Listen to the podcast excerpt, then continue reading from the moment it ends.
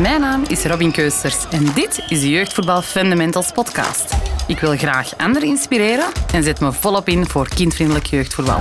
En als wij samen een positieve verandering kunnen teweegbrengen in de jeugdvoetbalwereld en een omgeving kunnen creëren waarin kind, plezier en respect centraal staan, dan is mijn missie geslaagd. Hallo beste luisteraar, welkom in onze podcast Jeugdvoetbal Fundamentals. Ik ben Robin, jullie host, en ik heb hier vandaag drie toppers aan mijn tafel. Um, heel gekend in het voetbal, maar zeker ook uh, in het jeugdvoetbal. Welkom Christel Snenders, Steven Smet en Gilles Swerts. Dag Robin. Hallo, goedemorgen. Is het hier ondertussen? Heren, ja, jullie hebben uh, alle drie een rol binnen het jeugdvoetbal. Ik ga jullie kort voorstellen voor de mensen die van een aardbol verdwenen zijn de laatste jaren. Christophe en Jill, jullie hebben een uh, mooie profcarrière achter de rug uh, en zijn ondertussen geëvolueerd naar jeugdtrainer. Dat klopt. Ja, 100 procent. Oké. Okay. Christophe, jij bij Antwerpen. Gilles is heel kort bij de belofte van de jonge Rode Duivels. En Steven, jij bent hoofdopleidingen binnen Antwerpen. Dat is juist. Oké, okay. ik ben eigenlijk benieuwd, hoe goed kennen jullie elkaar? Vrij goed. Uh, we hebben elkaar bijna dagelijks gezien. voor Gilles is dat nu iets minder, maar Gilles kort Antwerpen heeft verlaten voor de nationale belofte. Steven zie ik uh, wel nog regelmatig op de club. Dus ja, wij, wij zien elkaar regelmatig. Dus, uh, al lang? Bij mij in Steven is het ondertussen toch al van 2017 geloof ik. Dus ondertussen toch al een jaar of zes. Eigenlijk vanaf dat de club uh, in eerste klasse is gekomen. En vanaf dan zijn wij beginnen samenwerken. Dus, toch al, dus toch al een tijdje. Mooie carrière samen ja. ook. En met Jill, hoe is dat? Ik ken Christophe eigenlijk al veel langer, um, vanaf de U15 Feyenoord in nationale jeugdteams. En Steve heeft mij zes jaar geleden benaderd om trainer te worden bij, bij Antwerpen. En eigenlijk sindsdien uh, dagdagelijks contact tot uh, anderhalve maand geleden. Ja, want dat was inderdaad uh, ja, even schrikken voor iedereen, denk ik. Um, want tot voor kort was jij inderdaad coach bij Antwerpen. Um, en Jan, ja, heb jij een heel mooi voorstel gekregen. Ja, klopt een hectische periode. Um, net voor de start van de competitie en de vooravond van de Youth League eigenlijk, kreeg ik een, een voorstel, wat ik ook op tafel heb gelegd bij, bij Steven Smit. Een gesprek aangegaan met de mensen bij de bond en de uitdaging kon ik niet laten schieten. Dat is denk ik dat iedereen dat wel begrijpt. Steven, begreep jij dat ook? Ik begreep dat, ja. Oké, en hoe was dat voor jullie? Uh, dat kwam uh, op dat moment, was dat voor ons vervelend, omdat je dicht bij de competitie staat. U23, omdat je dicht bij het uh, Youth League verhaal staat. Maar goed, ik, ik vind goede mensen zetten zichzelf in de markt. Dat heeft Chill ook gedaan. En dan lijkt het me logisch dat, dat is ook een onderdeel van onze opleiding, dat je meewerkt aan de doorontwikkeling van jonge coaches. En daarin is Chill op dit moment gewoon een goed voorbeeld voor ons. Ja, dat is leuk. Alleen maar een compliment, denk ik, ook voor Antwerpen uh, naar de opleiding toe. Geloof ik wel. Oké. Zeg, jullie hebben met drie um, ja, ook gevoetbald. Christophe en Gilles, een, een evidente carrière. Steven, bij jou, ik had iets gelezen van een, een blessure rond je negentiende. Was jij een beloftevolle speler op dat moment? Dat vind ik een moeilijke vraag. Ik denk dat dat... dat... Mocht u afvragen. ja, het antwoord bij andere mensen ligt. Op dat moment had ik een bepaald talent. Maar goed, niet de mogelijkheden die de mensen uh, links en rechts van me hebben. Dat zeker niet. Hadden die iets kunnen worden? Dat geloof ik wel. Maar ik denk dat dat uh, in mijn geval te lang geleden is om daar vandaag nog relevante informatie over te geven. Oké. Dat, dat, is een goed antwoord. Ja, ja dat is een politiek correct antwoord. Oké, okay, ik vraag mij ook af. Ja, jullie zijn dan alle drie voetballers. Hadden jullie alle drie ook de droom om profvoetballer te worden? Ja, toch wel. Dat is iets dat je van jongs af aan dat in je ziet. Uh, je bent daar uh, heel de tijd mee bezig. Uh, dat is een droom als, als kind dat je hebt. Dus je hebt absoluut die ambitie en je probeert daar wel naartoe te werken. Maar ik heb in mijn opvoeding al, want ik kom uit een, een voetballersfamilie, ik heb van mijn opvoeding al meegekregen dat, het, dat het, goed is die droom te hebben, die ambitie te hebben. Maar dat die weg heel lang en heel moeilijk is. Dus ik werd als kind al wel wakker gemaakt in die zin van ja, uh, voetballen leuk, voetballen moet je blijven doen, uh, ambitie moet je hebben, dromen mag, maar je bent er nog bij lange niet. En het zijn er maar heel weinig die voetballer worden. Dus ik ben wel met dat uh, aspect grootgebracht. Dus ik wist ook wel, dit is een droom, dit wil ik bereiken, maar het zal niet gemakkelijk zijn. En de kans dat ik die droom zal waarmaken, die is gewoon niet groot. Dus ik heb dat van jongs af aan wel meegekregen. Dus ja, absoluut een droom. Maar of dat die droom werkelijkheid ging worden, dat was bij mij als, als jong kind zeker niet, uh, niet aan de orde. Was dat bij u? Nee, eigenlijk niet. Pas vanaf mijn vijftiende was het echt de droom om profvoetballer te worden. Um, ik denk dat ieder kind begint, de pure essentie is het plezier in het spelletje. En dat was bij mij het geval. Um, mijn broer speelde voetbal, mijn vader speelde voetbal. Voetbal stond centraal. Maar nooit met het idee van, ik ga profvoetballer worden of ik wil profvoetballer worden. En gaandeweg, en dan vooral op mijn 14, 15e, nationaal elftal kwam erbij. Ik maakte de overstap naar, uh, naar Nederland, Feyenoord. En toen was het wel de droom en de ambitie om de straat over te steken en vanuit het trainingscomplex de Kuip te halen. Dat snap ik. En bij u, Steven? Ik sluit me volledig aan bij het verhaal van mijn twee collega's. Oké. Zeg, en hoe was dat de druk vanuit thuis? Want ja, jullie zeggen, er werd wel gezegd van oké, de weg is lang, maar werd dat wel goed ontvangen dat jullie die droom hadden? Jawel, jawel, want je moet ambitie hebben. In, het is normaal dat je als kind droomt en in die droom moet ondersteund worden. Dus mijn ouders hebben mij daar altijd in gesteund.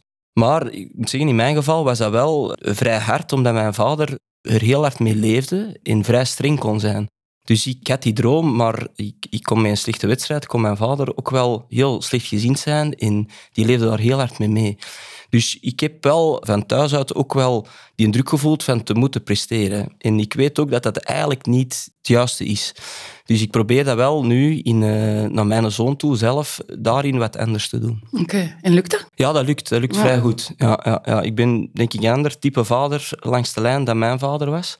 Ook een andere generatie misschien, want, want, mijn vader heeft dat ook waarschijnlijk van zijn vader uh, meegekregen, dat willen winnen en dat competitief zijn en die een druk erop leggen. Maar ik heb dat echt ervaren dat dat niet het juiste is. Dus ik, uh, ik kan dat heel gemakkelijk niet doen. Dus voor mij is dat eigenlijk geen probleem. Ja. Hoe was dat bij Ja, dat is eigenlijk, om dat verhaal te horen van Christophe. Uh, mijn vader stond aan de, op het randje om door te breken en heeft een zware blessure opgelopen. Dus die was vooral heel uh, bezorgd om, om mij en mijn broer. Die was eigenlijk redelijk voorzichtig. Bij wedstrijden was die nadien wel heel kritisch. Maar dan, zowel mijn broer als ik, mijn broer was een betere voetballer dan ik. mijn broer kon niet met die kritiek van mijn vader omgaan. En ik kon dat allemaal heel goed plaatsen. Dus mijn vader was aan de ene kant heel beschermend. Aan de andere kant, nadien kon hij heel, heel kritisch zijn. Maar nooit een druk richting beide. Van jullie moeten profvoetballer worden. Eigenlijk heel rustig. Maar wel altijd gesteund door, door mijn vader en mijn opa. Ja, dat zal ook wel iets doen als die naast de lijn staan om u uh, aan te moedigen. Ja, maar ik had daar geen oog voor. Okay. We hebben dezelfde op, uh, opvoeding gehad, mijn broer en ik. En mijn broer die, ja, die bevroor, bij wijze van spreken. En ik had geen oog voor mijn vader en mijn, mijn opa. En ik wist nadien, zullen we over een wedstrijd of een training zullen we erover praten. Maar ik kon dat op jonge leeftijd eigenlijk allemaal heel goed plaatsen. Oké. Steven, ben jij met de voetbal geboren? Toch wel. Uh, alleen denk ik dat het voorbeeld van Christophe en van Gilles duidelijk is. Zeker in het geval van Gilles. Twee jongens waarvan eentje leidt onder de extrinsieke motivatie en een ander daar net sterker door wordt. Ik denk dat we veel ouders hebben aan de zijlijn die toch nog steeds kijken naar de ontwikkeling van hun kind vanuit de insteek. Je moet een droom waarmaken die ik zelf ooit heb gehad. En dat is me niet gelukt. En dan is het uh, het vinden van een juiste balans tussen motiveren en daarnaast een bepaald prestatievermogen ontwikkelen. Die is gewoon belangrijk. En dat hangt ook af van je persoonlijke karaktersterkte. Gilles is daar zeer goed mee omgegaan. Zijn broer is daar minder goed mee omgegaan. Het is vandaag zeer moeilijk om te bepalen wie van beiden was het meest getalenteerd en had de grootste kans om profvoetballer te worden. Nou, Gilles heeft dat gedaan, zijn broer niet. Ieder vindt zijn weg, denk ik. Uh, en dat is wel belangrijk. Hoe gaan jullie als club om met die verwachtingen van ouders? Het is jeugdsport. Hè? Dus ik zie jeugdopleiding als een proces moment dat een speler in de A-ploeg aankomt, wordt het proces een product. Er mag gewonnen worden tijdens de jeugdopleiding. Er moet gewonnen worden in het eerste elftal. Je moet ze daarop voorbereiden. Maar dan moet je op een goede manier doen. Dus ik denk dat door in relatie te gaan met ouders en door ze handvatten aan te reiken in hoe je naar hun wedstrijden kijkt, hoe je naar hun ontwikkeling kijkt. En vooral hoe je ervoor zorgt dat je niet vervalt in emotionele reacties na een training, na een wedstrijd, dat je ze daarin kan sturen. Dat is heel erg belangrijk, denk ik. De, de drop-out tijdens de opleiding, heel vaak wordt die toegeschreven aan clubs Volgens mij ligt die even vaak bij ouders die zorgen voor een te groot spanningsveld waar de kinderen niet mee om kunnen. Zie je dat vaak?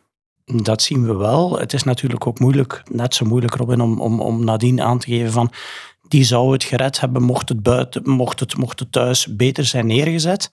We hebben wel eens vaker het gevoel dat iemand het niet redt, omdat de druk thuis gewoon te groot was. Ja, dat begrijp ik. Zeg, um, ja, Gilles en Christophe, jullie hebben een, een mooie carrière achter de rug. Als jullie terugblikken op jullie jeugd tijdens de elitevoetbal, hoe ervaren jullie dat? Is dat voor jullie iets positiefs geweest of was dat op sommige momenten wel uitdagend? Positief. Natuurlijk, de, de tijden zijn daarin wel wat veranderd. Maar wij speelden toen bij de Nationale en uh, wij hadden ook toen die, die verre verplaatsing. Maar positieve vind ik vooral dat er nu een betere combinatie is met de school.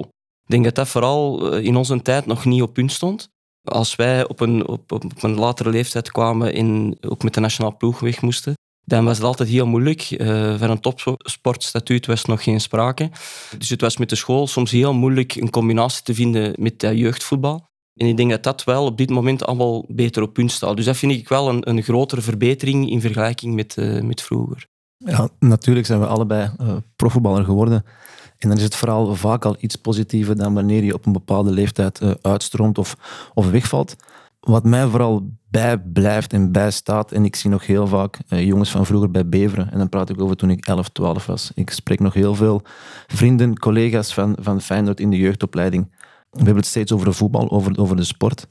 Maar wat het sociaal met je doet, maatschappelijk met je doet, omgaan met verschillende culturen, dagelijks in een kleedkamer, een, binding met elkaar creëren, dat zijn verhalen die meer bijblijven dan enkel de prestaties.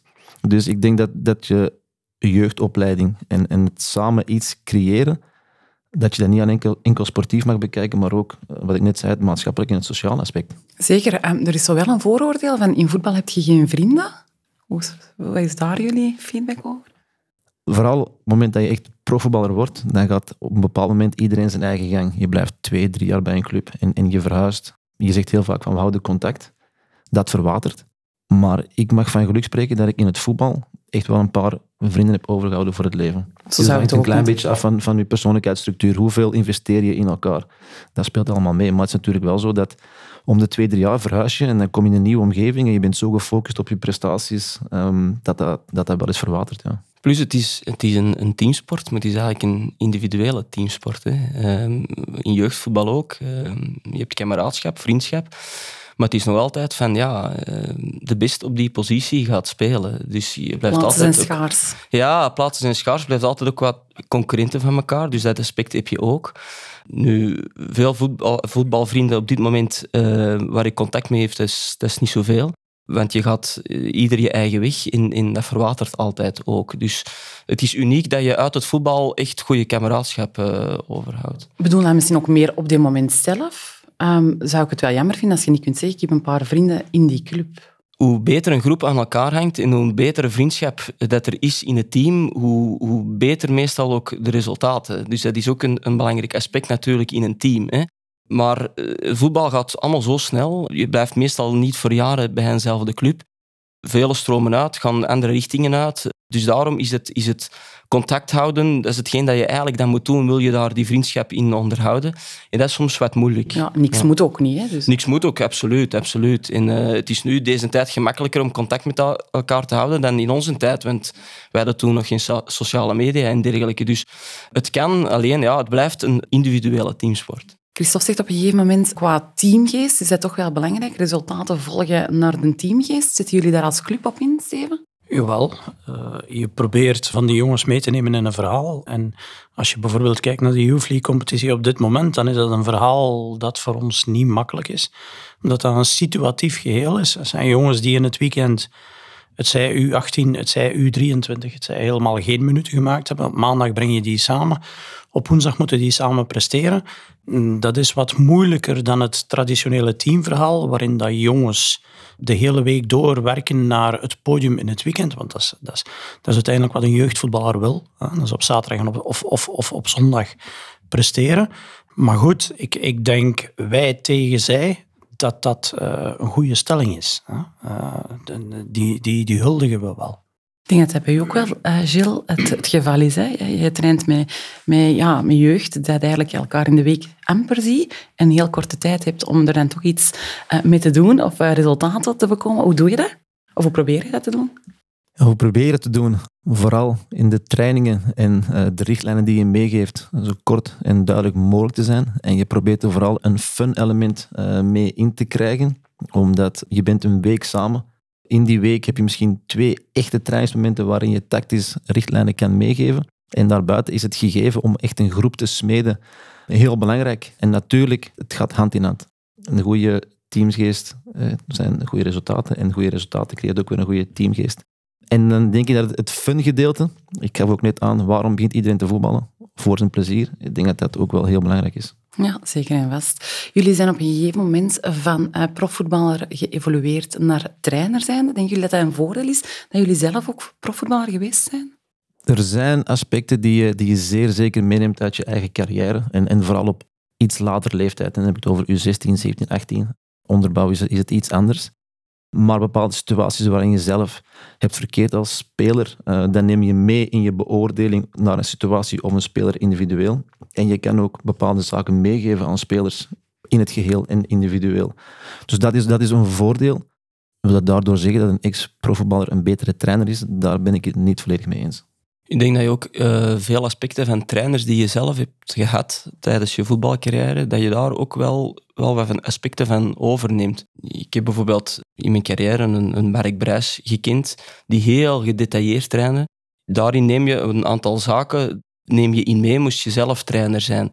Je hoeft daarom hem helemaal niet te volgen, want met Mark Brijs waren het heel lange dagen, van s morgens tot s avonds. Ik weet nog dat je als voetballer helemaal voetbalmoe van werd. Dus dat is dan het negatieve dat je zegt. Maar van, dat ja, neem je ook wel mee, hè? Dat neem je Ja, ook mee. Dus ja. je neemt positieve en negatieve zaken neem je van, van trainers mee die je in, eh, in je carrière hebt gehad. En ik denk dat dat een, een, een rugzak is, een, een positieve rugzak is, die je als, als profvoetballer kan meenemen als je zelf trainer wordt.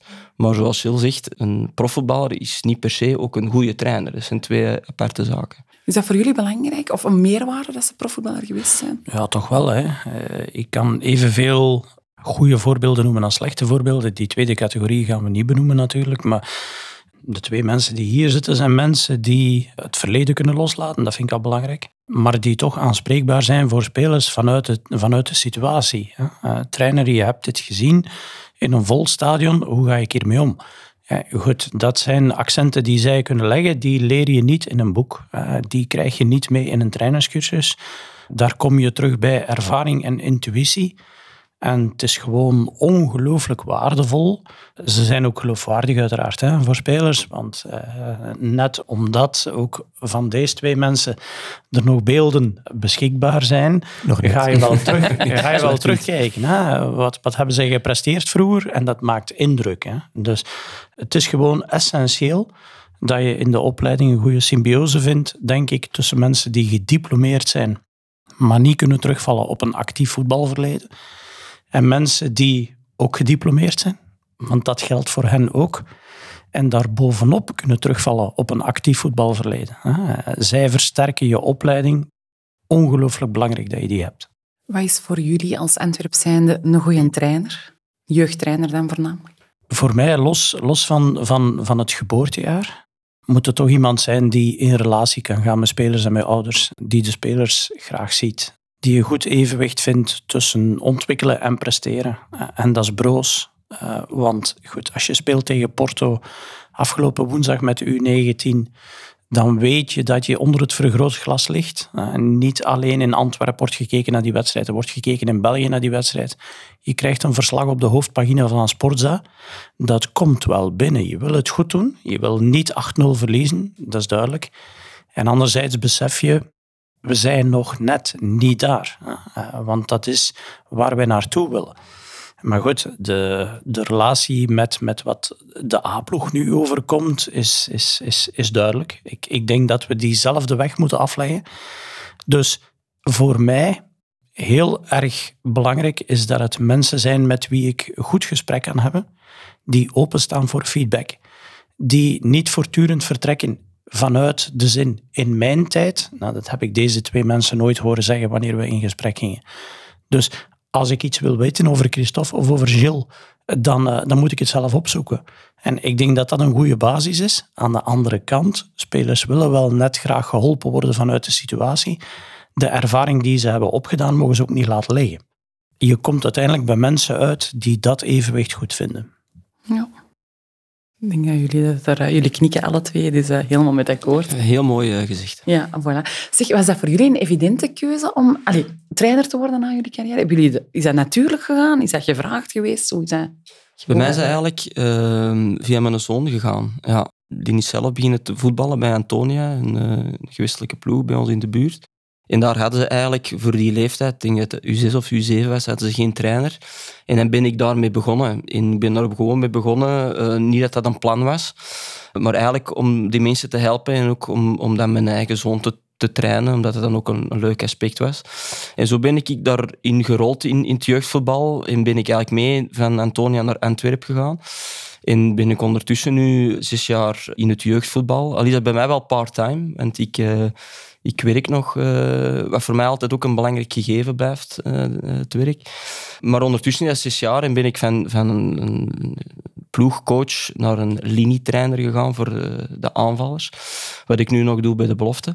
Maar eigenlijk is dat, is dat zonder plan gegaan. Ben ik daar uh, ingerold. Ben ik ook die diploma's gaan halen tot een UEFA-diploma. En vind ik het nu ook leuk om, om nog in het voetbal aanwezig te zijn. dus. Hoe was je weg naar die diploma's? Ja, die is wel vrij lang. Ja, ik denk dat dat vijf jaar geduurd heeft. Het is ook zo, als profvoetballer kan je een verkort traject doen, als ex-profvoetballer. Ja. Al is dat verkort traject niet meer zo verkort als vroeger. Dus je moet, ja, je moet toch wel, wel wat uren uh, tijd erin steken. En financieel ook horen. En financieel ja. ook, absoluut. Dus het is inderdaad tijd en moeite dat dat toch wel vergt. Je moet ook een eindwerk maken. Uh, dus bij mij is het ook in combinatie met mijn werk. Dus het is allemaal tijd, vrije tijd dat je daarin moet steken. Je bent dan zelf nog actief in de club uh, als trainer. Dus dat is wel een combinatie die soms moeilijk was, omdat je gewoon te weinig tijd hebt. Omdat je heel veel werk daarvoor moet doen. Dus dat was wel een, een lange weg. Uh, ik ben blij dat ik die weg, uh, dat die voor mij, dat ik die, die, die afgelegd heb. Want jij zit nu het hoogste, hè? Ja, nee, ah, uh, er is nog eentje Ah ja, nog één. Ja, ah, ja, oké. Okay. Ja, Gilles, Gilles, zit, zit, ah, ja. Gilles zit in, uh, in misschien okay. Steven ook. Uh, nee, nee, ja, nee. ja, Gilles zit in de pro-license. Oké. Okay. Ja, ja, dat is eigenlijk nog een jaar extra. Nog ambities of niet per se? Nee, voor, mij, voor mij zelf niet. Nee, nee, nee, nee, nee. Hoe was uw weg? Bij mij is dat eigenlijk in, in etappes gegaan. Ik heb op mijn 29 een zware blessure gehad, een Achillespees gescheurd. En toen kwam de UEFA CB versneld ter sprake heb ik die, bewust ben ik die begonnen om alvast papieren te hebben. Maar ik was nog wel actief als, als, als voetballer. Ben ik niet meteen doorgegaan voor UEFA. Zoals Christophe net zei, er kruipt toch wel heel veel tijd in. Ik was nog actief als, als speler. En toen was ik, uh, ik denk 34. Toen was ik wel einde carrière. En toen kwam UEFA A voorbij. Uh, ben ik op die trein gesprongen. Kruipt nog veel meer tijd in. En eigenlijk, uh, UEFA A was twee jaar. En op het einde van het eerste jaar werd ik gebeld door Steven Smit. Mijn vrouw die werkt bij de ABN AMRO Bank. Een jeugdscout van Antwerpen werkte ook bij de ABN AMRO Bank. En die vroeg van, uw man Gilles Swits, wat doet hij nu eigenlijk? En mijn vrouw zei, eigenlijk niks. Oh. Buiten aan de WVA. En toen is er contact opgenomen met Steven Smit. Steven heeft mij gebeld, dat vergeet ik nooit. In het oude media gedeelte van Antwerpen hebben wij denk ik een gesprek gehad van, van bijna drie uur. En stelde Steven mij de rol voor als, als hoofdtrainer U16. Ik heb toen wel gezegd, van, ik heb nog nooit voor een groep gestaan. Als het fout gaat, het is uw schuld. Ja, daar komt het op neer. Ja. Uh, ik moet wel zeggen, ik heb heel veel steun gehad aan Steven, maar ook uh, Tim Jansen. Omdat het eerste jaar heb ik eigenlijk alleen gedaan. Met dan de steun van, van de nodige mensen. En zo gaande heb ik mij ontwikkeld, omdat het toch een, het is een praktijkvak, uh, als ik het zo mag noemen. Je moet echt wel uren kloppen. Hoe omgaan met spelers individueel, hoe omgaan met het, met het team gebeuren, hoe het neerzetten. Maak je fouten, zeer zeker, maar ook van die fouten leer je. En ik ben blij dat ik die week heb kunnen afleggen bij Antwerpen. En dan doorgeschoven naar U21. En drie jaar geleden kwam UEFA, ah nee, de Pro-license op mijn pad. En dan ben ik uh, ook op die trein gesprongen. Steven, jij bent ook trainer geweest, hè? Alle ja. leeftijden. Ja. Veel verschillende eliteclubs ook gedaan. Wat voor een trainer waard je? Een goeie, hoop ik. uh, begonnen wij in Drachtaalst. Uh, die dingen gaan altijd toevallig, denk ik. Okay. Uh, ik gaf les Uh, ik gaf economie en Engels in een school waar de jeugdmanager van Eendracht Aalst op dat moment een, uh, een club dat Christophe tegen voetbalde. Waar dat de jeugdmanager op dat moment zei van oké okay, Steven, we hebben een stage in de pasvakantie. Heb je zin om te komen helpen? Je bent twintig, dat is heel lang geleden. je bent twintig en je bent vrij, hè, want je bent gestopt met voetballen. En dan komt van het een het ander. en het is, het is altijd zo, denk ik, dat is dat uh, extrinsieke motivatie helpt echt wel om uh, in jezelf het beste naar boven te halen. Goed, en dan kijk je naar het traject uh, dat je te wachten staat en dat is lang. Maar na Eendracht Aalst kwam Sporting Lokeren. Ook daar vrij toevallig. Hein van Azenbroek, die op dat moment mijn pleegzoon haalde naar Lokeren, die technisch directeur was. Ja, je bent trainer, waarom kom je niet mee? Eendracht Aalst gaat failliet het is toch het moment om bij ons in te stappen. We hebben een goed gestructureerde club. Goed, ik, ik, ik ken de Sporting eigenlijk niet, terwijl ik in Sint-Niklaas woon. Want ik was eigenlijk supporter van Beveren. Oh. Uh, toen ik, uh, gewaagd, toen ik jong was. Uh, een clash. Dat is gewaagd. ja. Um, dus mijn papa was supporter van Lokeren. Ik was supporter van Beveren. Ik zei altijd tegen mijn papa, je kent niks van voetbal. Maar goed, ik ging naar Lokeren. En ik heb daar een fantastische tijd gehad. Zeven jaar. de laatste drie jaar onder Willy Reinders. En die ging toen naar Genk. En die zei, wat denk je, ik neem je mee? Nou, dat gaat niet. Ik geef les. Was ook niet zo ver op dat moment om mijn schoolcarrière op te geven. En dan blijf je gewoon. Maar dan voelde je wel dat het, het, de continuïteit van een jeugdopleiding hangt soms af van één of twee mensen. Dat was in Lokeren ook zo. Willy Reinders vertrok. En je voelde meteen van, oei, heel veel is weg. Wat er vorig jaar wel nog was, is er nu niet meer. Dan ben ik even teruggekeerd naar Eendracht Aalst. Maar nadien de vraag gesteld, is het goed om terug te keren? Dat denk ik, zou ik nu niet meer doen. Maar zeg nooit nooit in het leven. Maar... En toen kwam Topsport met Chris van Puivelde en Beerschot, eh, die daar technisch directeur was. En zei van, nou, je moet gewoon met me mee. Dat hebben we drie jaar gedaan. Toch nog te combineren met onderwijs dan, op die moment? Of? Ja, ik was ah, topsporttrainer ah, ja. uh, in de topsportschool samen met Chris. Daar hebben we drie jaar samen gedaan tot de club failliet ging, uh, jammer genoeg. En daar zijn redenen voor, en daar gaan we het vandaag niet over hebben. En dan nadien twee jaar Club Brugge. En toen kwam Sven, die ik uh, kende als uh, collega in het voetbal en die me zei van we starten een nieuw project in Antwerpen, ik heb je daar nodig. Ze weten het wel te brengen. over zeven jaar geleden en toen dacht ik van, nou, dat kan je niet menen. Dat, dat, dat gaan we niet doen. Maar hij overtuigde me, ik heb geen spijt. Mooie dus, carrière ook uitgebouwd ondertussen. Hè? Ja. Nog verdere ambities? Wat ik eigenlijk het liefste wil, is gewoon blijven waar ik nu ben. Omdat ik me goed voel, omdat ik ook voel dat we niet klaar zijn, omdat we nog vooruit kunnen kijken en omdat waar de Youth League ons nu helpt, is om duidelijk aan te geven, we zijn nog niet daar waar we moeten zijn.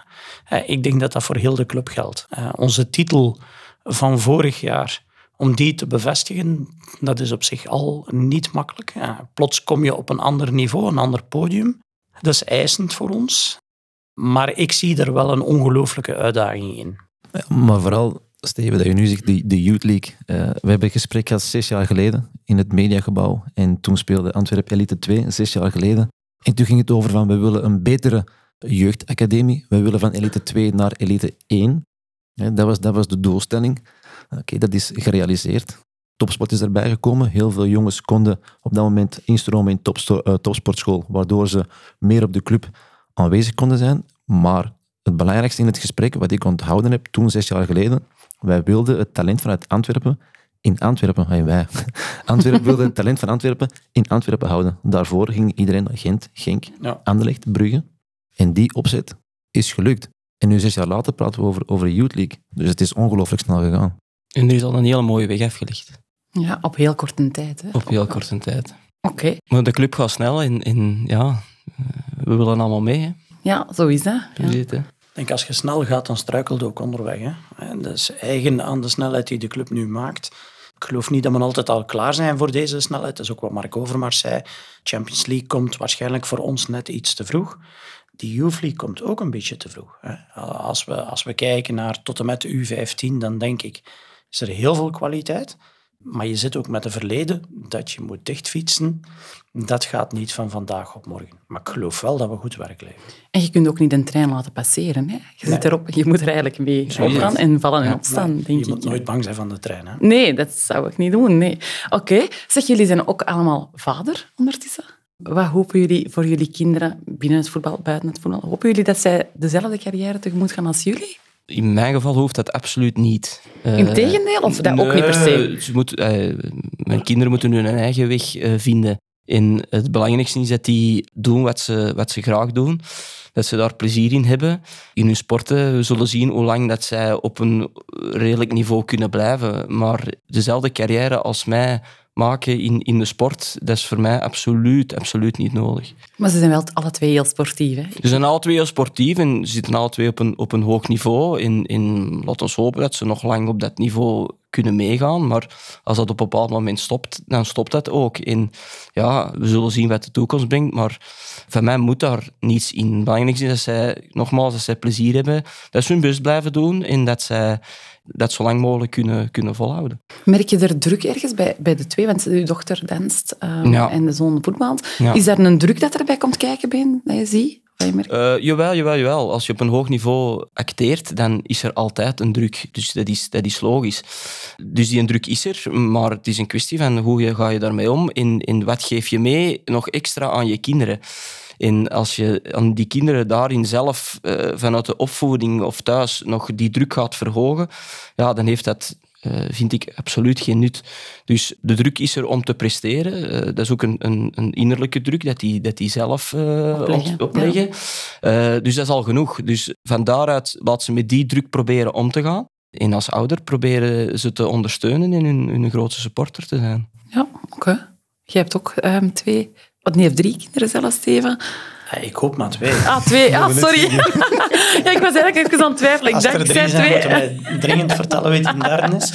Maar ehm, ja, mijn kinderen zijn Maar nog jong, hè? Ja, Ja, voilà. ja, zijn zes en zeven. Ik heb ze van de morgen gezien, want dat is niet altijd 's morgens het geval aan de ontbijttafel. En het is Halloween. Als ik zie hoeveel energie dat ze halen vandaag uit Halloween, eh, dan ben ik gelukkig. En eh, de jongste is nu aan het voetballen, eh, heeft gisteren getraind. Ik probeer daar zeer bescheiden in te zijn. Hij zit in een klein clubje, ik wil hem er ook zo lang mogelijk laten.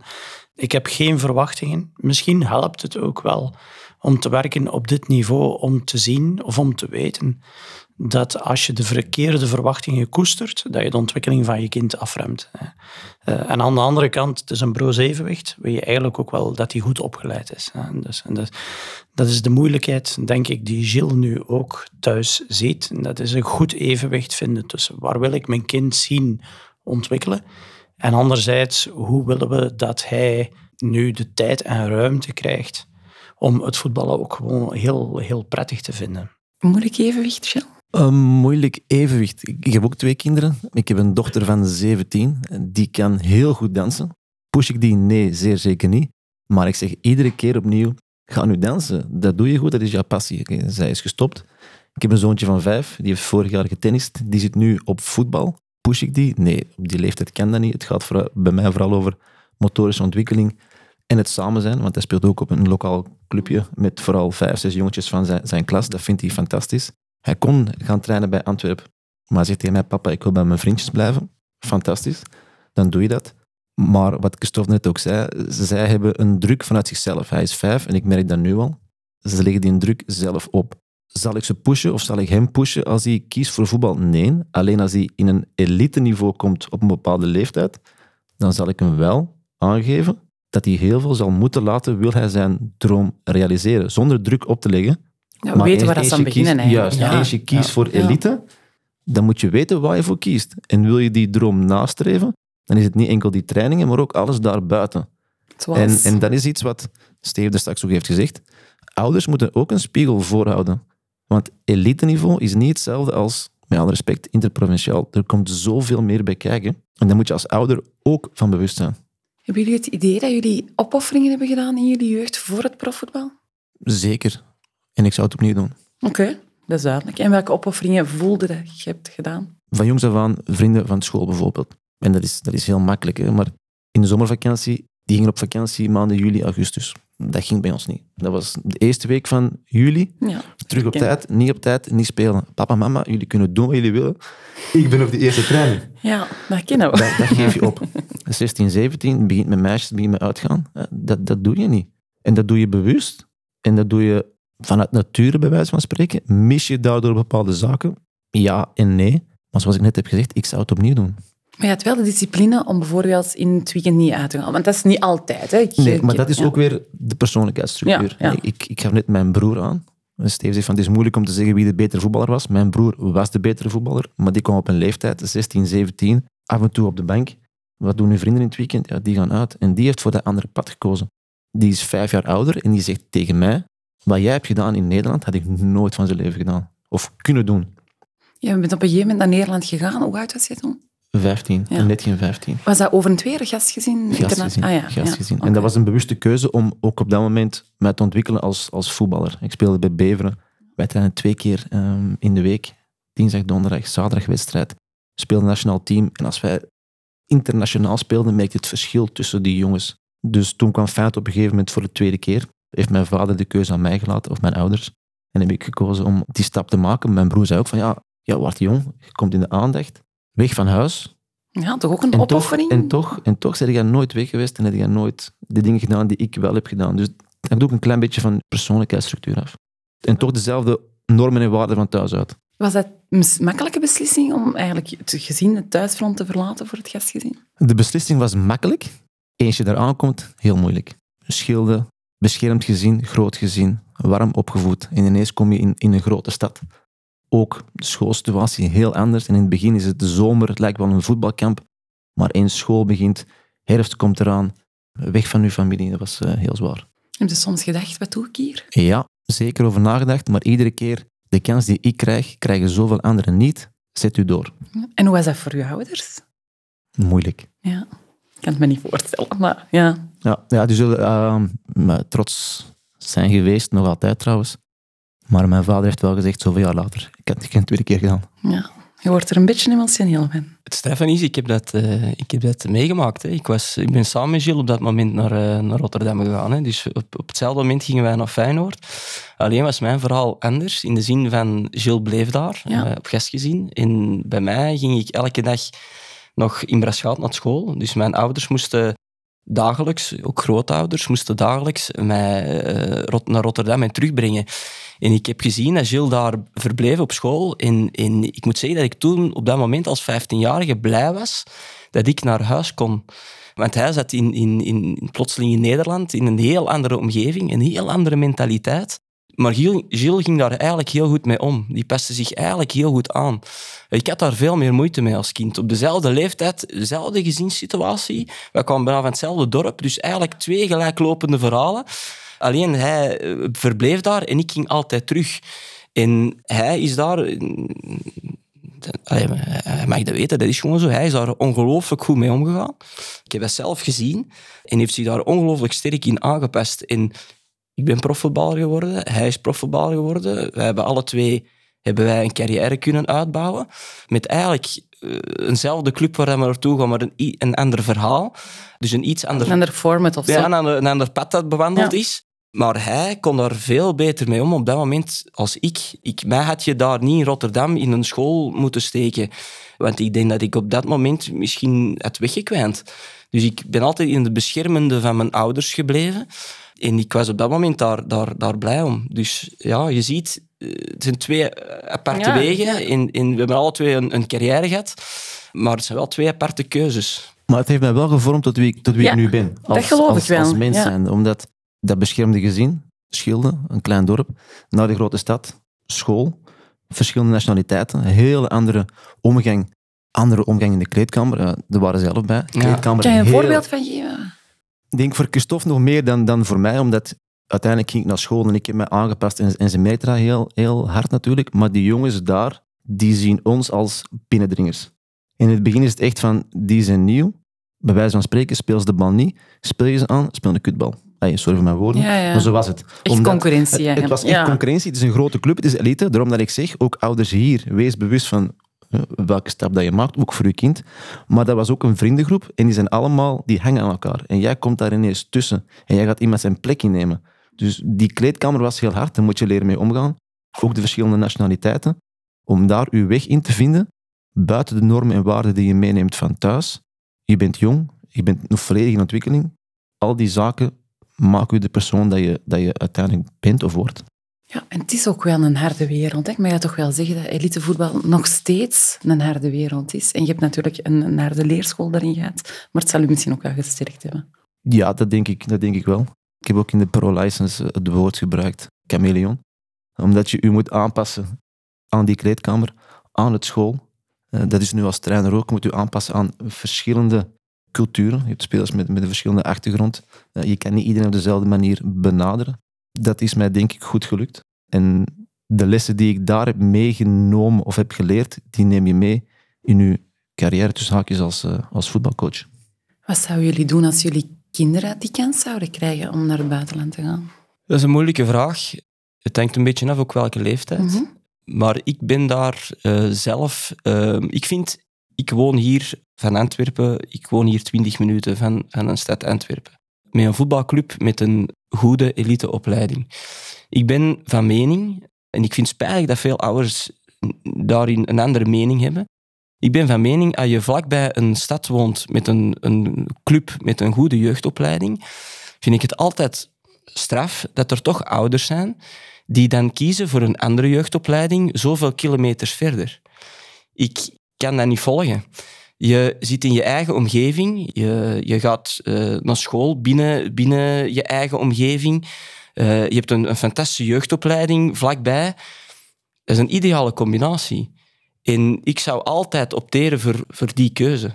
Is dat ego-gewijs, een sterling van ego misschien als ze naar u komen, naar, naar, ouders en zeggen van ja, je kunt naar PSV, Feyenoord... Ik, ik denk dat het voor ouders soms niet gemakkelijk is. Ze kennen de voetbalwereld niet en je wordt door een club benaderd, wat altijd je ego streelt. En die club gaat zijn verkoopspraatje doen. Die club gaat alle middelen inzetten om, om uw zoon of dochter binnen te halen. Die, die laten het stadion zien, die laten de prijzenkast zien, die laten de spelers zien die, die de rolmodellen, ja. De rolmodellen, die, die maken je warm. En ik denk, als je die wereld niet kent, dat het voor een ouder moeilijk is, als je in dat, dat praatje hoort, om, om daar soms nee tegen te zeggen. Ik kan dat, ik kan dat aannemen. En wat moet je dan doen als ouder? Uh, Kijken wat belangrijk is voor het kind.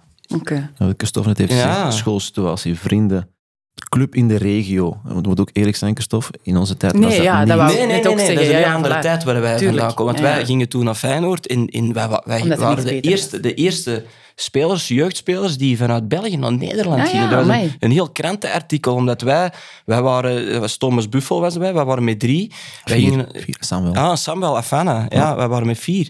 Wij gingen als vier jonge de scholieren toen, 15 jaar, gingen als vier jonge scholieren gingen wij naar Nederland. Dat was, was ongezien.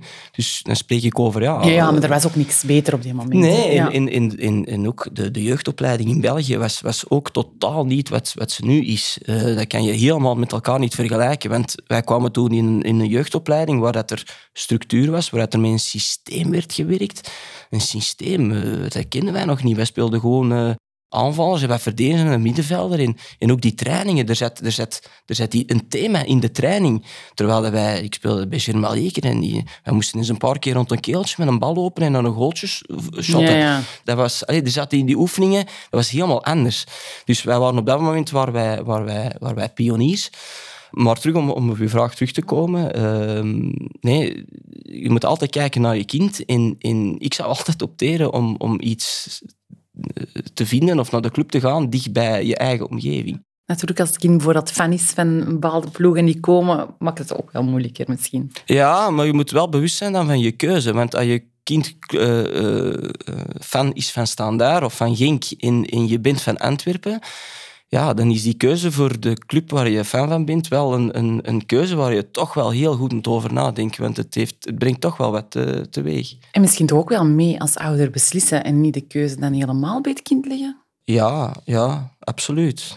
Dat is, dat is moeilijk, ja. inderdaad, inderdaad. Maar um, als ouder inderdaad ook kijken naar het geheel.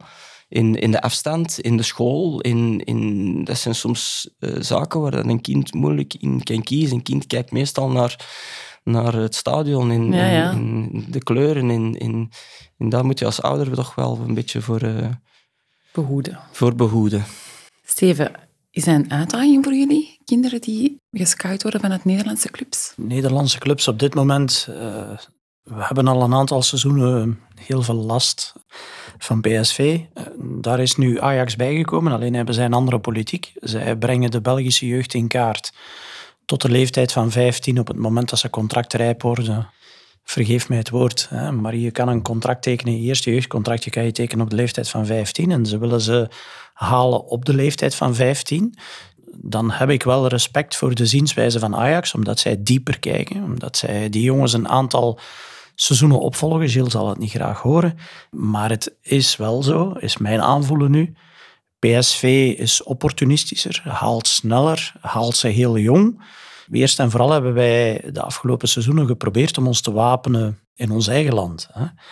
Club Brugge, Anderlecht waren clubs die eh, of zijn clubs die de afgelopen seizoenen agressiever zijn geworden bij ons. Daar is Racing Genk bijgekomen. Dat maakt het wat moeilijker om zelf opgeleide jongens bij ons te houden. Anderzijds, ik hoor graag wat Christophe zegt. Hè. Dus je wordt concurrentieel door een goede opleiding neer te zetten. En daar hebben we nu wel geprobeerd om daar een statement te maken. Goed, het, het kan hier ook. Die overtuiging, die plant je niet van vandaag op morgen in iemand zijn hoofd. Hè. Dus dat, dat vraagt wat tijd. En we zijn nu wel zo ver, denk ik, en daar kunnen rolmodellen zoals Arthur ook wel bij helpen. We zijn wel zo ver dat mensen ons au serieus nemen. En dat vooral in de stad Antwerpen, we spreken toch over een regio van 1 miljoen mensen. Dat is op Brussel na de grootste van België. Dat we, dat we vandaag een soort, eh, of, of, of een geloofwaardigheid en credibiliteit opbouwen, die ons helpt om jonge talentjes hier bij ons te houden. Zeker en. Wat, wat willen jullie als club zijnde van waarde meegeven? We benaderen opleiding. Je ontwikkelt een atleet, je ontwikkelt een voetballer, maar vooral ontwikkel je een mens. Wat wij graag willen, is dat bij ons jongens die de club moeten verlaten, om op het even welk tijdstip dat gebeurt, of op het, om op het even welk, welke leeftijd dat gebeurt. Want voor iedereen komt dat moment De daar meerderheid, hè? Ja. dat, dat het stopt. Hè. Dat ze goed in het leven staan. En, en, en dat ze kunnen slagen in wat na de boshal komt. Dus dat vooral is nu essentieel, dat we kinderen helpen om zichzelf maximaal te ontplooien binnen hun genetisch potentieel. Want goed, dat kan je niet loochenen. Er zijn mogelijkheden. Je hebt mogelijkheden of je hebt die niet. Niet alles is rekbaar. Wel kunnen meegeven zijn een aantal waarden en normen die je helpen om het goed te doen in alles wat je hierna nog gaat doen. En, en, en daar willen we echt wel op inzetten. En, en, en dat betekent de combinatie maken van studies, voetballen op de club, slagen in alles waar je in wil slagen, maar daarnaast ook gewoon een toffe kerel worden. Hè? Want dat is ook belangrijk. Hè? En in relatie kunnen gaan en veel vrienden hebben. En met mensen nog kunnen bellen binnen tien jaar die je mogelijk de volgende tien jaar niet meer tegenkomt in je actieve carrière. Waar die ook zijn, zijn verderzetting vindt. Belangrijk. Dat is een, een structuur eigenlijk voor, voor Ja. een kind of een, of, een- of een jong volwassene. Ik heb het meegemaakt tijdens, tijdens corona. Een, een speler die ondertussen nu de club heeft verlaten. Wat we net ook zeiden, van ouders moeten ook beseffen dat meer is dan enkel spelen op het veld. Maar deze speler gaf ook aan van, kijk, het is corona, het is heel moeilijk. Je hebt school, je hebt voetbal. Dat is voor mij een structuur, dat is een houvast. Waar al mijn vrienden nu stiekem op straat rondhangen, heb ik een doel. Het zou wel zijn, maatschappelijk. Dus, ja. ja. dus zelfs jongeren of kinderen die niet spelen, zitten in zo'n structuur en die hebben dat ook nodig. Denk dat we niet mogen onderschatten, welke impact dat jeugdvoetbal kan hebben op kinderen die niet zo'n warme nest hebben of die het op school niet zo goed doen ook. Hè. Hoe gaan jullie mee om? Als, als trainer misschien zo zijn? Als je weet van, van ja, kinderen die het moeilijker hebben, of, of jeugd, dan kinderen is misschien al heel jong, maar hoe gaan jullie daarmee om? De thuissituatie kan je, kan je natuurlijk niet, niet, niet veranderen, maar vaak komen die jongens inderdaad op de club in een warm nest, in een vertrouwd nest. Dat is op school nog altijd anders, want ook op school is er druk. Maar daar hebben ze minder die sociale contacten. Dat merk ik zelf bij mijn oudste dochter. Op school hebben ze minder de sociale contacten dan op de Bij club. mijn dochter stellen. Ja. En die momenten van samenhorigheid, dat is ook voor heel veel jongens een soort van familie. Dat is, dat, is, dat is denk ik ook een dynamiek waar dat we nu als club mee te maken krijgen. Hè. Is dat steeds meer jongens op internaat gaan. Dat maakt dat de afstand ten opzichte van hun thuissituatie die verandert. Letterlijk. Hè. Eh, wat Gilles en Christophe er net goed schetsen. Christophe blijft in België, Gilles gaat naar Nederland. Los van de afstand of het nu Rotterdam is, dan wel of je uit Gent komt en je gaat op internaat hè, bij ons in Edegem. De situatie blijft dezelfde. Je bent niet meer thuis. Hè. En dus het noopt ons om, om onze opleiding te blijven bekijken. Daar zit een bepaalde dynamiek in. Die dynamiek die gaat nu snel. Het vraagt gewoon een andere begeleiding dan de begeleiding die we vroeger hadden. Hè. Iedereen eh, die voor de opleiding voetbalde toen ik zes jaar geleden aankwam, woonde in Deurne. Die tijd is voorbij. Dat is gedaan. We recruteren breder, halen jongens, af en toe ook gewoon jongens die geen Nederlands spreken. Je komt met Franstaligen binnen je opleiding voor wie je oplossingen moet zoeken. Dat maakt ons opleidingsmodel zeer uitdagend nu. En daar staan wij nu voor. Hè. En, en, en dat is wat men in Genk en in Gent en in Brugge al een, een, een tiental jaar doet. En daar komen wij nu. En dus je kan dat niet stoppen. Dat is logisch ook dat dat gebeurt. Maar dat vraagt wel heel veel liefde. Eh, dat vooral. Ik, heb, ik vind het een persoonlijke frustratie dat als we een Franstalige jongen hebben gehaald in de opleiding, die er maar één seizoen is geweest, omdat we niet in relatie zijn gegaan met die speler, niet op het internaat, niet op school, niet op de club, en dat zo, zo iemand aangeeft van ik wil terug naar Brussel, want dat is mijn context, dat hebben we niet goed gedaan. Dus ook daar moeten we, moeten we nu stappen maken. Ja, oké. Christophe, jij, uw zoon zit op, uh, niet op internaat. Hè? Dus Nee. dat was uh, een bewuste keuze, als ik me niet vergis. Ja, dat is een bewuste keuze. Ja. Ja. Eh, we wonen hier vlakbij, dus het is, het is voor hem niet nodig eh, voor op internaat te gaan. Maar mijn zoon zit ook niet op de topsportschool. Dus ik, eh, die gaat naar school eigenlijk eh, in Braschaat. En dat is ook een keuze dat ik, dat ik zelf gemaakt heb. Ook in de zin van, ja, hij zit in zijn eigen omgeving. Het huis is vlak bij de school, de school is vlak bij het voetbal. En daarom vond ik dat zelf niet nodig om, om, om, om die keuze te maken voor naar een internaat of naar een, een topsportschool te gaan. Als de jongens die in de topsportschool zitten, die worden ook met busjes naar de training gebracht. Ik kan hem zelf brengen, dus ik kan met mijn werk daar ook rekening mee houden, eh, samen met mijn vrouw, om, om, om de organisatie te doen. Dus ook dat is op zich geen punt. Dus ik heb eigenlijk alle, alle tools om, om, om hem niet naar de topsportschool te, te moeten sturen. Dus hij zit gewoon in, het, in, eh, in, in Braschaat, eh, vlakbij op school, en, eh, en dat valt allemaal te combineren. Ik denk dat er al heel veel gezegd is. Zijn er zaken dat jullie zeggen van, "Goh, dat is niet aangehaald en ik wil dat toch eventjes benadrukken? Ehm, een tip. Ja, Moest graag. ik de klok terugdraaien Ja. om over de diploma's te Ja. Voor alle voetballers die momenteel bij hun carrière bezig zijn, ik heb spijt dat ik dat niet begonnen ben als jonge gast tijdens mijn voetbalcarrière. En toen had de tijd. En toen had ik tijd. Ja. Ja, Ja, ja. want we hebben er juist over aan het vertellen geweest van hey, eh, het, het, het vergt veel tijd, het eh, moet veel doen. En ik heb dat nu gedaan terwijl ik een gezin had en werk had en, en training gaf. En dat maakt die combinatie moeilijk. Maar moest ik de klok nu terugdraaien, dan zou ik, eh, dan zou ik het vooral anders doen. Dan zou ik al als 20, 21, 22 jaar al beginnen met die diploma's en met training geven. En dan zou ik de combinatie doen, voetbal spelen en training geven. Dat is een hele waardevolle tip, denk Ja, ik. dat vond ik een waardevolle tip die ik dacht, ik kan die toch nog even meegeven. Los uit de pols. Los uit de pols. Gilles, heb jij nog iets toe te voegen aan Nee, hier, ik alles heb wat jullie eh, gezegd daar hebben? niks aan toe te voegen. Wat Christophe net aanhaalt, eh, dat is zeker ehm, correct. Misschien juist vergeten te vertellen, toen ik mijn UEFA B had gehad, heb ik één jaar de U16 Schilders op dat moment getraind.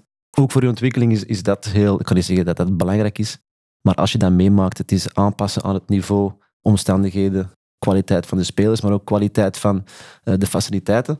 Dat neem je allemaal mee in je rugzak. Dus kan je inderdaad op jongere leeftijd of combineren met de cursussen of een studie, management bijvoorbeeld. En je neemt zoveel mee uit je carrière dat je zoveel opsteekt op verschillende gebieden. Als je dan combineert met, met managementstudie, kan je ook weer verder als technisch directeur, algemeen directeur, met de achtergrond als, als, als ex-voetballer, zeg maar. Ik kan niet anders dan een, een, een tip toevoegen. Hè. Eh, maar dan vooral voor de ouders. Ik denk dat, je, dat het heel belangrijk is dat je beseft dat wij het allemaal goed voor hebben met je zoon. Um, dat of elke, dochter? Of met je dochter. Hè. Dat elke keuze die we maken voor je kind is nooit tegen je kind. Zelfs als dat binnenkomt situatief als een zeer negatieve keuze. We willen ze graag uitleggen. Dat is helemaal geen probleem. Maar ik ben overtuigd dat uh, binnen elke jeugdopleiding, niet alleen die van ons, trainers en medewerkers de kinderen oprecht graag zien. En, en dat is de basis volgens mij dat is toch eentje om te koesteren. Uh, dus uh, dat, dat, het, het, is echt belangrijk om daarin te geloven. Als je daar niet in gelooft, ik heb al vaak gezegd, als je kind inschrijft in een school en je wil het schoolreglement niet tekenen in de eerste week van september omdat je het niet eens bent met bepaalde artikelen in het schoolreglement, dan ga je dat reglement niet veranderen. Dan ga je je kind elders moeten inschrijven. Hetzelfde geldt in een voetbalclub of in, of in een sportclub tout court. Je moet overtuigd zijn van ons project ik denk dat, uh, dat we daarin verstaan. Dat is eigenlijk ook wel een van de redenen dat ik deze podcast ben gestart, eerlijk gezegd. Omdat ik wel denk dat iedereen het goed voor heeft. Maar ook ouders. Ouders uh, willen het beste voor het kind. De delegé wil het beste voor het kind. De, de club wil het beste voor het kind. En ik geloof ook wel als er meer achtergrondinformatie is van de clubs, van de delegés, van de ouders, dat er gewoon naar elkaar toe wel meer respect ja, groeit, hopelijk. Zeker waar. absoluut. Ik wil jullie alleen maar heel hartelijk bedanken voor jullie wijze woorden. Hartelijk bedankt om in jullie drukke agenda toch nog tot hier te komen. Er zijn weer heel wat fundamenten gelegd voor de toekomst van het jeugdvoetbal. Dankjewel. Graag gedaan. Graag gedaan. Bedankt voor het luisteren. Dit was Jeugdvoetbal Fundamentals, de podcast over kindvriendelijk jeugdvoetbal.